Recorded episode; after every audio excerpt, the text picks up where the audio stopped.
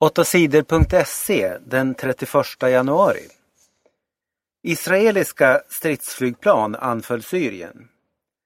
Stridsflygplan från Israel anföll på onsdagen grannlandet Syrien. Tidningen New York Times skriver att Israel bombade lastbilar med vapen som var på väg till gruppen Hizbollah i Libanon. Den syriska regeringen säger att Israel också bombade en fabrik där forskare arbetade. Två människor dödades och fem skadades, säger den syriska regeringen. Sverige vann mot Norge i bandy-VM. Det svenska landslaget fortsätter att vinna stort i bandy-VM. På onsdagen vann Sverige mot Norge med 10-0. Patrik Nilsson var bäste målskytt. Han gjorde fyra mål.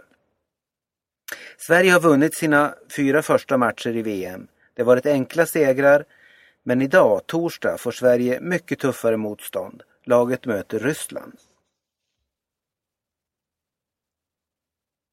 Undervisningen i svenska för invandrare kan göras om. Regeringen tycker att undervisningen i svenska för invandrare är för dålig. Regeringen vill ändra så att invandrare får jobba samtidigt som de lär sig svenska. Det skriver tre av regeringens ministrar i tidningen Dagens Nyheter. Regeringen vill undersöka om Arbetsförmedlingen kan ta hand om utbildningen i svenska för invandrare.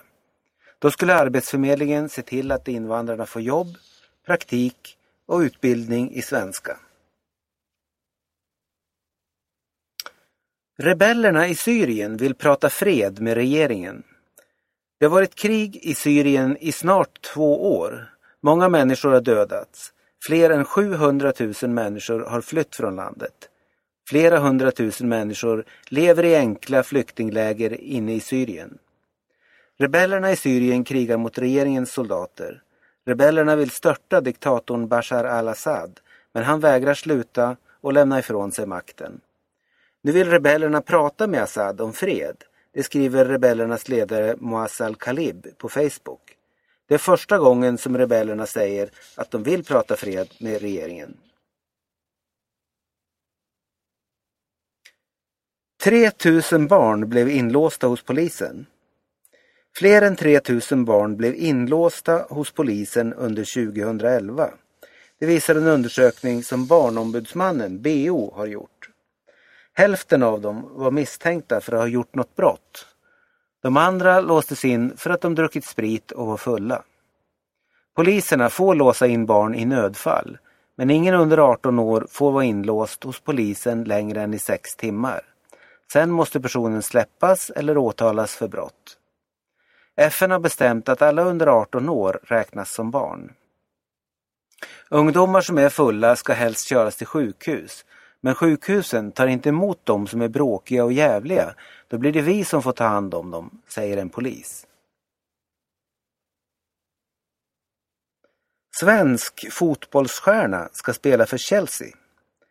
Den svenska landslagsstjärnan Sofia Jakobsson lämnar den ryska proffsklubben Rosjanka.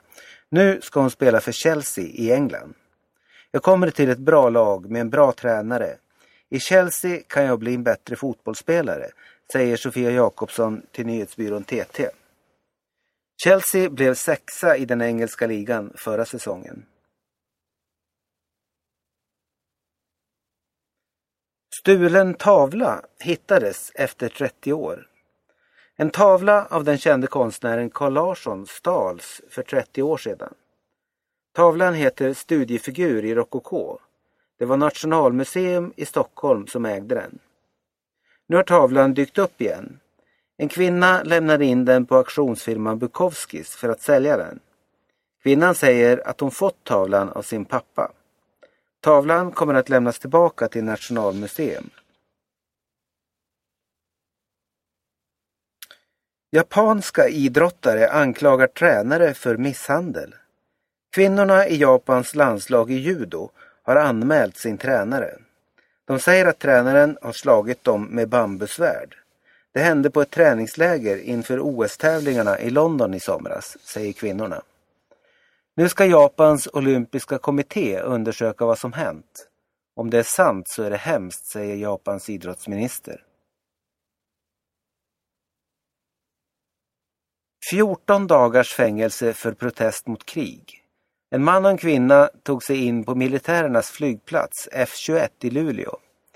De var med i fredsgruppen Ofog och ville protestera mot krig. De målade med rosa färg på flygplanens landningsbana. Kriget börjar här, skrev de. Nu har mannen och kvinnan straffats av domstolen i Luleå. Mannen och kvinnan dömdes till 14 dagars fängelse.